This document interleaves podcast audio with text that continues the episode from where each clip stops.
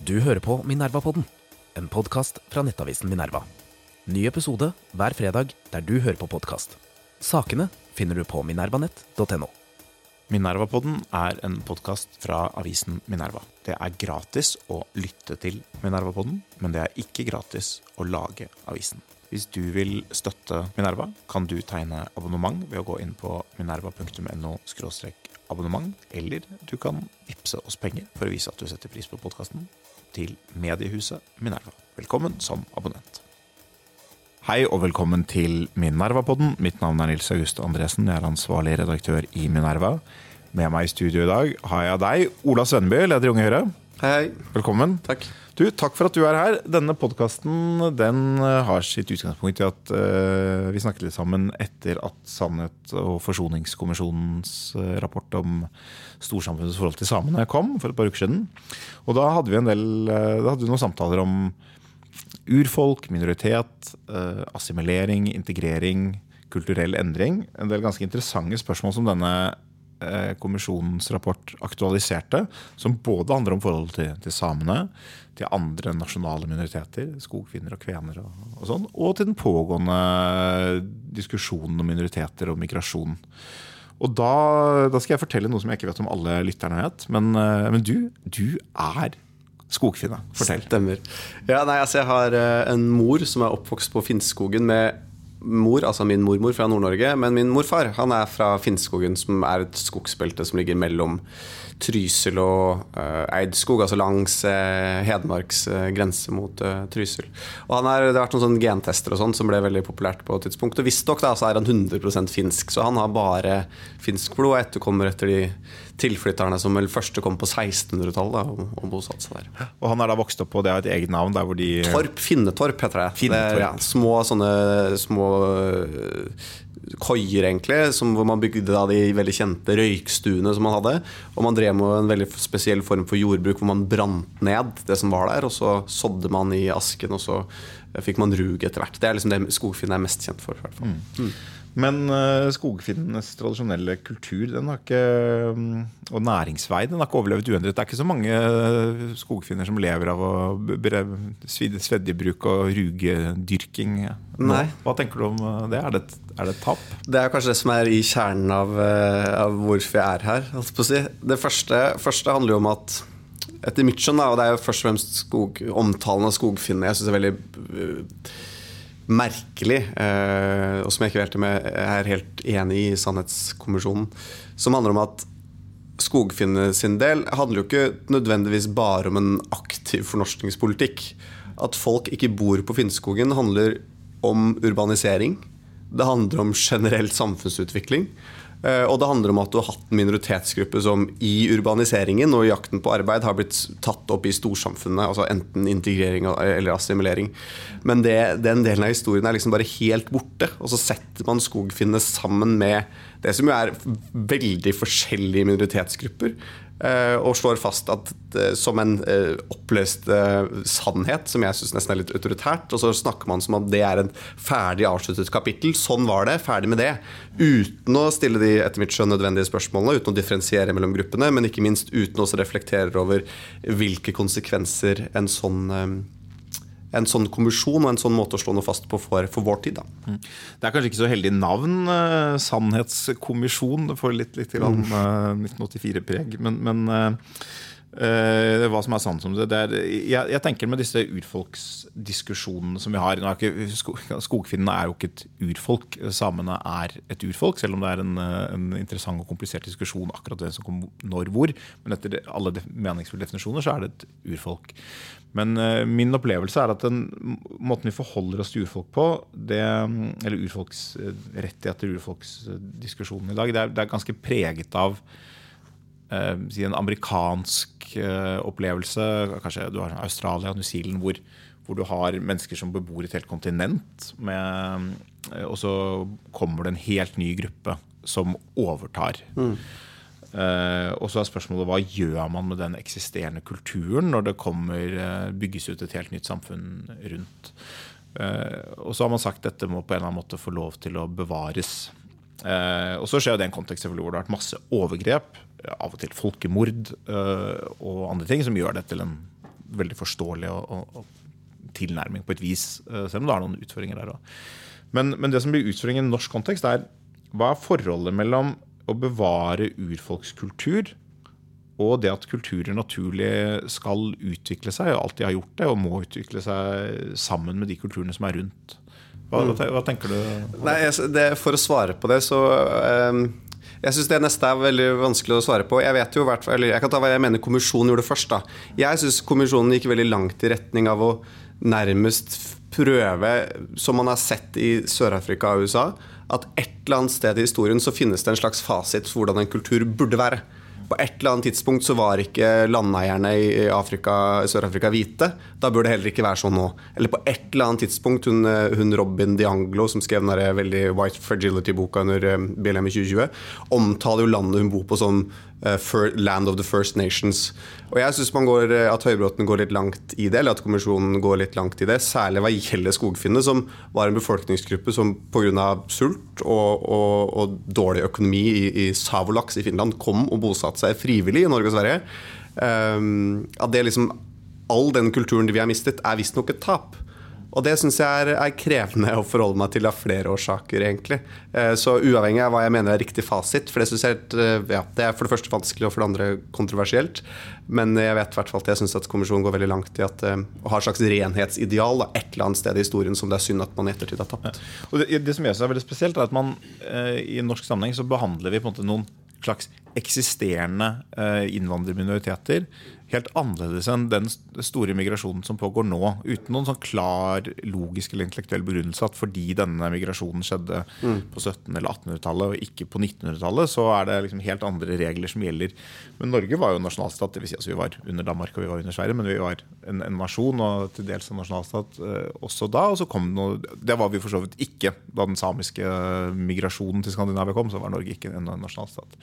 Men, eh, men senere så ble vi det. Og hvis man har denne tanken med skogfinner, har vi den da med norsk-somaliere, norsk-pakistanere? Skal de, og hva slags kultur er det i så fall som da skal bevares? Skal det, det pakistanske økonomiske grunnlaget altså, hva, hva er det det snakk om som skal bevares? Eh, Man kan lage noen eh, litt kanskje fordomsfulle klisjeer på akkurat hvilken økonomisk struktur det skal ha. Men, men det, det er det som er litt, interessant med det. på at man mister, det jeg synes man mister av syne, og som i og for seg også gjelder samene, selv om der er det veldig problematisk, det er å prøve å forstå og stille spørsmålet hvorfor var det en del av dette skjedde. Og noe av det var sikkert en form for rasisme og kulturell eh, altså, om du skal kalle det rasisme, en sånn følelse av kulturell overlegenhet. Men noe av det var et behov for å bygge en nasjonalstat mm. som innebar en homogenisering. eh, Og som skjedde på en tid hvor det var veldig store økonomiske fremskritt. Det store hamskiftet, økonomiske hamskiftet på 1800-tallet. Det kom industrialisering, urbanisering, som du nevnte. Eh, og skulle på en måte ikke da minoritetene ta del i det. Og så er det selvfølgelig når det skjedde med tvang og sånn, det er noe annet. Men, men Aslak Syse som satt i denne sannhets- og forsoningskommisjonen, han mener vel også at de hopper litt bukk over å skille mellom det som skjedde frivillig, og det som Ja. ble påtvunget. Ja, det, og det tror jeg, synes jeg egentlig er ganske lett å forstå også. Jeg tror egentlig det, Slik jeg leser det, så var det veldig adressert til skogfinn også, fordi det var en del av en mye større samfunnsutvikling også. Um, så ja, jeg er enig i at eh, det er krevende. Og det som egentlig gjorde at jeg ble nysgjerrig, eller eh, jeg vet ikke helt hva jeg skal si, jeg er litt betenkelig ved det som ble sagt også, handlet jo nettopp om de tingene. fordi at dette berører jo egentlig ganske mange ting som jeg tror kommer til å være avgjørende for vår tid. Hvis man ser på Europa i dag, da, så, så tror jeg man kan egentlig spå at du vil få mer behov for nasjonsbygging nasjon, øh, og tilhørighet til nasjonen. Både pga. den kulturelle usikkerheten som er oppvokst pga. mer innvandring. eh, Men også pga. det økonomiske. Og når økonomien i Europa går dårlig, så er det desto viktigere at man har en slags enhetlig følelse av å være en del av noe større. Det er å se på Macron, se på Mette Fredriksen og den bevegelsen som de har stått for, så tror jeg man kan eh, forutse at det kommer til å oppstå i en del andre land også. Eh, Og det er mitt poeng at da fordrer det at vi faktisk da har en ganske åpen eh, diskusjon og finner en del svar på i hvilken grad vi i dag skal integrere og om nødvendig også i noen tilfeller kanskje assimilere. Og med det utgangspunktet som man nå har lagt fra statens side i det som heter Sannhetskommisjonen, så vil det bli vanskelig, mener jeg, basert på det I hvert fall basert det man har sagt om skogfinnene. Og det hele tatt drive integrering og kanskje hvert fall også assimilering. Og jeg har sett allerede at i kommentarfelt hvor eh, jeg tror det var Asle Toje som skrev om assimilering, hvor, hvor, eh, hvor eh, minoritetenes sak ble brukt som et eksempel på hvorfor man ikke kunne gjøre det. Så det vil jo også ha liksom direkte konsekvens inn i vår tid. Det, ja. La oss snakke litt om assimilering, for det er et veldig kontroversielt begrep blitt. Man må først gjøre et skille. Det, det er et viktig skille mellom frivillig assimilering og assimileringspolitikk. Mm. Uh, og mitt syn på det altså jeg, jeg, er i og for seg kritisk til uh, en for uh, offensiv assimileringspolitikk av to grunner. Det ene er at jeg kjenner kanskje også på en sånn opplevelse at det er et eller annet som kan gå tapt i noen tilfeller. Men, men kanskje vel så viktig så er det at jeg tror det veldig ofte er kontraproduktivt. Og det mm. ser vi litt i, i, i samenes forhold til det norske storsamfunnet. at både forhold tilbake på 1840-tallet, hvor kanskje den mest aktive assimileringspolitikken begynte, og fornorskningspolitikken og undertrykkelse av språk og eh, undertrykkelse av tradisjonell eh, økonomisk aktivitet og sånn. Når det antar et visst nivå, så skaper det noen sår som siden blir eh, en essensiell del av historiefortellingen, og dermed opprettholder Umuliggjør assimilering. Umuliggjør en opplevelse av enhet. Mens øh, hvis, med mindre politikk så vil det skje litt naturlig assimilering, og så vil man etter hvert begynne å gifte seg på tvers i et samfunn som ikke er preget av altfor mye rasisme og sånn. Og det vil føre til at øh, en form for de facto assimilering, som ikke trenger å viske ut kulturell identitet, men bare vil gjøre de kulturelle uttrykkene veldig kompatible med hverandre. på en måte. Ja. Det er jo den ideelle uh, på, de, på, på, sitt beste så fungerer det litt sånn i, i, New York, på Manhattan. Hvis du bor på Manhattan eller rike områder av Manhattan, så, så, ser det ut som et sånt blomstrende fellesskap der ja, den familien er amerikanske italienere, selv om de har giftet seg med noen irer og noen polakker. og, og forskjellig sånn, Så har de den identiteten så vidt. Men du vil ikke merke det Du vil knapt merke det på til hverdagen. Ja. Men, Men det, er jo, altså, det er jo likevel to altså en ting er i hvilken grad politikken rent aktivt skal innvirke i livene til minoriteter. på en måte. Men en annen ting er jo som storsamfunn å bestemme seg for hva som er ønskelig. Ja. Og jeg mener jo kanskje at i Norge, så har vi, eller egentlig i Europa, så har man heller ikke gjort det. Det har vært litt sånn uklart hvilket formål innvandringen har hatt. Mm. Og så har det gjennom tidene forandret seg hva man ønsker å oppnå. Sånn på starten så var liksom men Vil du begrense innvandring? Herregud, de er så få! Mm. Det er jo umulig. Vil ha ikke noe innvirkning på norsk kultur. Mm. Og så ble de mange, men dette er jo bare en berikelse. Mm. Uh, og så etter hvert så ser man at da har man fått noen kulturelle problemer som vi jo har. Uh, fordi man, jeg vil jo hvert fall påstå at man har ikke politisk, uavhengig av hvor inngripende det skal være, rent bestemt seg for hva man ønsker å oppnå. Og mm. jeg tror jeg har det synet jeg har på Sannhetskommisjonen nettopp fordi at jeg er ikke så opptatt av skillet mellom integrerings- og assimileringspolitikk, men det er et vesenspoeng, i hvert fall i den tiden Europa går nå, at man har en felles forståelse for hva slags land man lever i, en felles forpliktelse til det landet, og en felles forpliktelse til hverandre. Og jeg tror det er vanskelig å komme unna en del, om ikke assimilering, men i hvert fall ganske. Så, det henger jo sammen med du, det, det, hvor mange det er. Det er jo et mm. interessant punkt som du tar. Altså, det gjør ikke noe så lenge det er få. Og Det er, en, sånn, det er en av de mest betente assimileringsdiskusjonene som av og til føres i noen europeiske land. handler om europeiske jøder som kan oppleve et veldig sterkt assimileringspress. Av og til knyttet til lovgivning, som f.eks. For forbud mot altså, som vi har i Norge, forbud mot uh, rituell slakting. Men så er det også diskusjonen om, uh, om Britt Mila, rituell omskjæring, som jo er kjempebetent for jøder. Og de opplever det som et uh, som, de facto jødeforbud, eller i hvert fall assimileringskrav. Uh, og da vil jeg med en gang på det si at det, det bør ikke skje. Det vil være et kjempetap for Norge og for Europa om den jødiske minoriteten med sine særegenheter og sin lange historie i Europa skulle på en måte forsvinne. så Det bør ikke assimileres. Så kan man si at ok, men det er uh, en grunn til at det er lett å si, er at det er relativt få jøder. Og, og, og, og, den historiske arven. Og den historiske arven, men det er relativt få, og jøder er også velintegrert. Uh, og det er ikke en stor kulturell og politisk motsetning for eksempel, mellom dem, mellom gruppene. Uh, mens hvis det hadde vært en gruppe som, var, som også hadde sterke verdikonflikter med storsamfunnet, og som utgjorde 20-30% av befolkningen, så ville det jo være et veldig stort problem om den gruppen levde helt atskilt, og liksom ikke, man ikke giftet seg noe særlig på tvers. Eller om det, om det ikke, var åpning for det, på en måte. Om det ble assimilerende. Eh, eller at det bare ikke skjedde. Så det er på en måte Hvor mange det er, er veldig viktig, og hvor sterke motsetningene er. og Det er på en måte det vi ser litt at vi har noen de gamle, Disse gamle universitetene de er jo stort sett veldig små. Samene er den største av dem. Mens skogfinner og, og kvener er altså Kvener er vel litt omstridt hvor mange det er, men, men de, er ikke så kjempestore. Men det dukker opp noen problemer. Da. Vi, kan liksom en, vi, kan jo ikke holde oss med en helt annen forståelse. Okay, norsk etiopiere norsk somaliere, norsk afghanere. Eh, liksom, begynner å skille på ulike mm, etnisiteter og grupper. Det er veldig krevende å, tenke integreringspolitisk. Så man må jo ha en, en eller annen idé om at alle norske minoriteter skal kunne vokse inn i det samme storsamfunnet.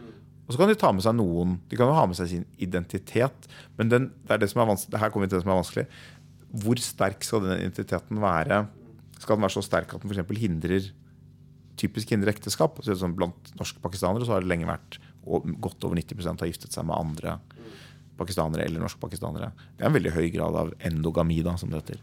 Og det, det har det vel ikke vært for, for samer og, og, for skogfinner. Men, men, det er en sånn, hvis du har veldig sterk kulturell identitet, så vil det typisk bli mer parallellsamfunn. Ja.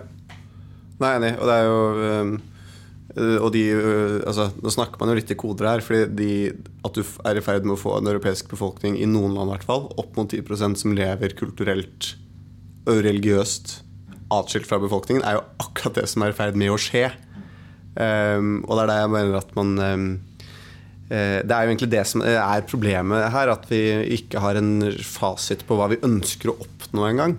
Mm. Hva, hva, ville du si? Hva Nei, det, er liksom, det er vanskelig rent politisk. Jeg, eh, altså, jeg bare mener at jeg tror man jeg skal ikke helt undervurdere hva slags samfunn vi ønsker um, å klare å oppnå rent bare hva slags samtale vi har. Altså på politisk hold, og hva, hvordan de skriver, hvordan de snakker. Og der er mitt inntrykk, og dette kan godt være mitt inntrykk fordi jeg er godt plassert til høyre at man eh, nærmest har liksom si, uttrykk som et vanlig, ganske vanlig uttrykk. Det er like norsk til å gå eller som jeg har hørt hvert fall, like norsk til å gå med hijab som det er å ikke gjøre det. Mm. At man nærmest har sidestilt alle kulturer som helt like. Like hva skal jeg si, normale, ønskelige i Norge. Mm. Jeg mener at det, Selv om jeg mener at alle forsvarer alles rett til å gå med hijab, så mener jeg det er ganske stor forskjell på det og å hevde at det er like norsk som ikke gjør det. For det er det ikke. Mm. Så bud én vil i hvert fall, mener jeg, da, være en, en liksom, ærlig samtale om hvem vi er, egentlig. Og at det er majoritetskulturen som har en slags forkjørsrett. Det er denne kulturen vi har i Norge. Og et annet problem man får ved å ikke snakke om det på den måten, er at du heller ikke vil, kunne En ting er at du slutter å spise fårikålkjøtt, liksom, ok. Men hvis man heller ikke klarer å forsvare det som er eh, kjernen av norske verdier, så vil det også gå utover noen på sikt. Sant? Fordi Hvis man ikke skal integrere noen kulturelt, hvorfor skal man da integrere verdiene deres? Det er jo like problematisk å få noen som kommer fra kulturer som er veldig mot homofile, til å gå bort fra det verdisynet, som det er å gå bort fra eh, den kulturelle identiteten hvor de kommer fra. på en måte Hvis det resonnementet gir mening. Altså at ja. Vi kan ikke cherrypicke. Det er ikke sånn at vi kan si at dere får beholde maten deres, dere får beholde språket deres, men dere må legge fra dere hat mot homofile. Ja, det er ikke mulig. Ja, det er vel akkurat det det kanskje virker som er den gjeldende politikk. er vel kanskje gjeldende Målet er at det, vi ser for oss at det finnes en del kulturelle trekk som er en uh, ren berikelse. Og noen tolker, det, man kan tolke hijab inn i det fordi man uh, da ser på det som et valg som ikke trenger å være uh, veldig verdi Eller trenger ikke ha noen problematiske verdier i seg. og så vil man, Men de, disse problematiske verdiene de må bort. Og Spørsmålet er om det er, er mulig. Og det, det, og det, er jo sånn man, et spørsmål man kan diskutere både med norske muslimer, men med skogfinner og, og samer og kvener også. fordi hvis du, hvis du, legger til rette for at det er en så stor grad av de facto adskillelse, så vil man jo typisk ha ulike verdier også. Vet, nå vet ikke jeg hvor progressive eh, finntorpene var. på Altså NKP var jo største partiet der. Eh, det var jo til og med eh, en stortingsrepresentant for NKP på 50-tallet en gang, tror jeg. Og det var pga. skogfinnene. Ja. Og det er en ganske kjent skogfinne som heter Bjørn Frang. Som ja. døde for et par år siden. Som sa det at eh, da han ble intervjua av Kristine Koht i 2015-2014, hadde russerne kommet, så hadde jeg marsjert med. Ja. Eh, så progressivt var det nok ikke, men det var rødt. Eh, veldig rødt. Det, men, men, eh, nei, men det, kan du skille ut noen verdier? Altså, I en viss forstand så kan du jo si at det er det som er forskjellen på integrering og assimilering. Da. At integrering krever tilslutning til noen nasjonale minimumsverdier. Eller krever i hvert fall de, de har en slags forkjørsrett. Men uh, andre kulturelle særtrekk må på en måte kunne få lov å overleve. Jeg, vet ikke, hva, hva, er det du tenker når, når du sier forkjørsrett? Nei, jeg tror bare det mener liksom, Jeg synes det er så Man har så fordummende jeg tror, jeg tror, det kommer fra et veldig velment sted. Jeg tror at når Politikere og de som har ment ting og vært liksom meningsbærende i Norge de siste 20 årene, har ordlagt seg på en måte som f.eks. at det er like norsk å gå med hijab som det er å ikke gå med det, eller har liksom snakket på en veldig sånn progressiv måte, så har det vært veldig godt ment. Fordi man har tenkt at majoritetskulturen er så stor mm. at den har ikke trengt noen bekreftelse, men at minoritetskulturen trenger å bli løftet frem. Mm. Og så tror jeg en opplevelse for veldig veldig mange, særlig utenfor de store, store byen, at deres majoritetskultur tvert imot, tvert imot er truet. Så rent politisk så handler det om sånn ja, Selvfølgelig er det mulig å definere norske verdier. Det er bare å dra til utlandet. Så fort du ser en nordmann, kjenner han eller henne instinktivt. Mm. Det å kunne være ærlig på de tingene uten å være, selv om det er godt ment, redd for å skade minoritetene, tror jeg er viktig. Um, og det å liksom kunne stå opp og bare Jeg tror ikke nødvendigvis folk som er At man etterspør en veldig stor endring i politikk, men at man føler at verdiene sine er truet. Man føler at det samfunnet man er oppvokst i, er truet uten at politikere engang adresserer det. Så Det har vært for en god start. Og det er jo det jeg mener liksom Macron og Mette Fredriksen har gjort. De har bare adressert den kulturelle bekymringen som er der, og gitt majoritetskulturen sin forkjørsrett, og opphøyd det som noe man ønsker at flest mulig skal ta del i. Mm. Og så må den majoritetskulturen være inkluderende. Den må være åpne for nye impulser. Må, må fortsatt bare være trygg nok da, i ryggmargen og hva den står for, til hva man også skal holde ute. Og til og med i en del tilfeller også hva man burde bekjempe da, i andres kultur. Morsomt du trekker inn eh, Frankrike og Danmark, for det, det er interessant å sammenligne litt. Eh, Frankrike har jo ikke så mye av denne type urbefolkning. Det er noen baskere som de ofte har behandlet dårlig. Og så har de noen Bretagne, bretonere, som, som, eh, jeg som er glad i sånne små, rare språk. Jeg er jo dypt skuffet over den franske behandlingen av bretonsk. men men Frankrike har alltid vært veldig sentralistisk og, og måtte undertrykket lokale eh, variasjoner. Oksitansk. Oksitansk, ikke sant? Eh, mens Danmark har jo ikke hatt denne type urfolk. Det finnes noen frisere kanskje helt i sydvest, men, men de har ikke hatt det på, på, den måten. Eh, de har bedrevet sin kolonivirksomhet andre steder, kanskje særlig i Norge. Jeg er etterkommer av disse danske, danskene. Så det, det Herrefolket. Herrefolket, ikke sant. Men, men det tar opp eh, nettopp dette temaet med hvilken rolle spiller maktasymmetri eh, og undertrykkelse og kanskje rasisme inn i denne debatten? For jeg tror Det er det, det, som gjør det så betent. Hadde det ikke vært noe eh, Hadde vi aldri behandlet samene veldig dårlig, så ville denne debatten om assimilering eh, også sett veldig annerledes ut. Og Så kan man diskutere liksom, hvor dårlig behandlet vi egentlig skogfinnene. Det, det, det, er ikke jeg sikker på, jeg kan ikke nok om det. Jeg tenker kanskje at jeg er ikke sikkert de ble behandlet så mye dårligere. Jeg tror ikke nødvendigvis de ble behandlet verre enn nordlendinger ble. på en nei, måte. Nei. Tror. Jeg vet ikke. Tror. er, så, så, det er en del sånne, sånne, spørsmål. Men det er den maktasymmetrien og implisitte kanskje rasismen av og til som gjør at dette blir som gjør at det blir viktig å si dette er også bra kulturer, dette må også få lov å finnes. Og at man nettopp ikke vil løfte frem majoritetens kultur. Da. Og det er det som gjør seg gjeldende nå, eller har gjort seg gjeldende, kanskje mindre nå enn før, men overfor nye minoriteter. At vi, vi, må være veldig forsiktige med å si at det liksom Bruke ord som kan ha sånn rasistisk kontasjon, tilbakestående, middelaldersk, eh, problematisk, autoritært, patriarkalsk. Alle disse ordene eh, blir lest inn i en sånn kontekst, og, og kanskje blir de kontraproduktive fordi de oppfattes sånn. Jeg er enig, men jeg tror ikke nødvendigvis det har så mye med samene å gjøre. Altså jeg er enig at det har en del med hvordan vi behandlet samene, men jeg syns jo også at For disse debattene her importeres jo på tvers av kulturer og land. Eh, og så kan man skyte hverandre i hodet med hvem som importerte. Det er ikke så relevant. relevant. Debatten er nå engang her. Men jeg syns det virker som det er en del som har som utgangspunkt også at hvite europeere har vært undertrykkere. Uavhengig av kontekst, uavhengig av nasjonal identiteten, men, men, men, det er på en måte et faktum. Og at på en eller annen måte så Vi klarer ikke europeere ser på Europa som noe annet enn det man gjør i land utenfor. Og andre land ser på Europa som noe annet. Ja. Jeg tror for eksempel, Hvis du hadde fortalt en eh, for Det er kanskje et drøyt eksempel, men hvis en, en, du kan ha pakistanske innvandrere i Norge som mener det er rasistisk å begrense innvandringen til Norge, men som instinktivt ville forstått hvordan det ville ført for, føltes i Pakistan dersom innvandringen fra India hadde vært veldig stor. Mm. Men av en eller annen grunn så snakker man om liksom, land i Asia og Afrika som De har på en måte ikke hatt den samme opplevelsen og den opphøyde politiske formen vi har i Europa. Da. Eh, og så fordummer man det med at i Europa, ikke sant, i Afrika eksempel, Et vanlig argument som brukes, er grunnen til at det er så mye konflikter her, er fordi at man ikke har norsk, nok nasjonalt samhold, og fordi grensene ikke har tatt hensyn til, til etniske grenser. Mm. Uten å snu seg rundt og se på sitt eget kontinent. og er litt sånn, men dette er ikke noe som bare kan påvirke Afrika, eller India eller Pakistan. Det angår i høyeste grad oss også. Men da er på en måte fortegnet helt annerledes. fordi det er som at utgangspunktet er at europeere har undertrykket andre, og det legger liksom føringer for alle andre. Ja, det er klart, og det, er, eh, det, det, er jo sant at det er veldig formende for debatten. Det er også et historisk faktum i noen grad. Men, men eh, det er jo av og til interessant å se på Norges situasjon der sånn opp mot andre land. Norge var ikke en så stor del av eh, det bildet. Vi hadde våre små skuter på skogen. Men f.eks. ta behandlingen av samene. Det er, det er, ikke noe tvil om at det ble gjort uh, til dels fæle ting. Uh, at samene i en viss forstand et offer. Det er også et interessant spørsmål hvordan, hvor, akkurat hvordan det er det lever videre.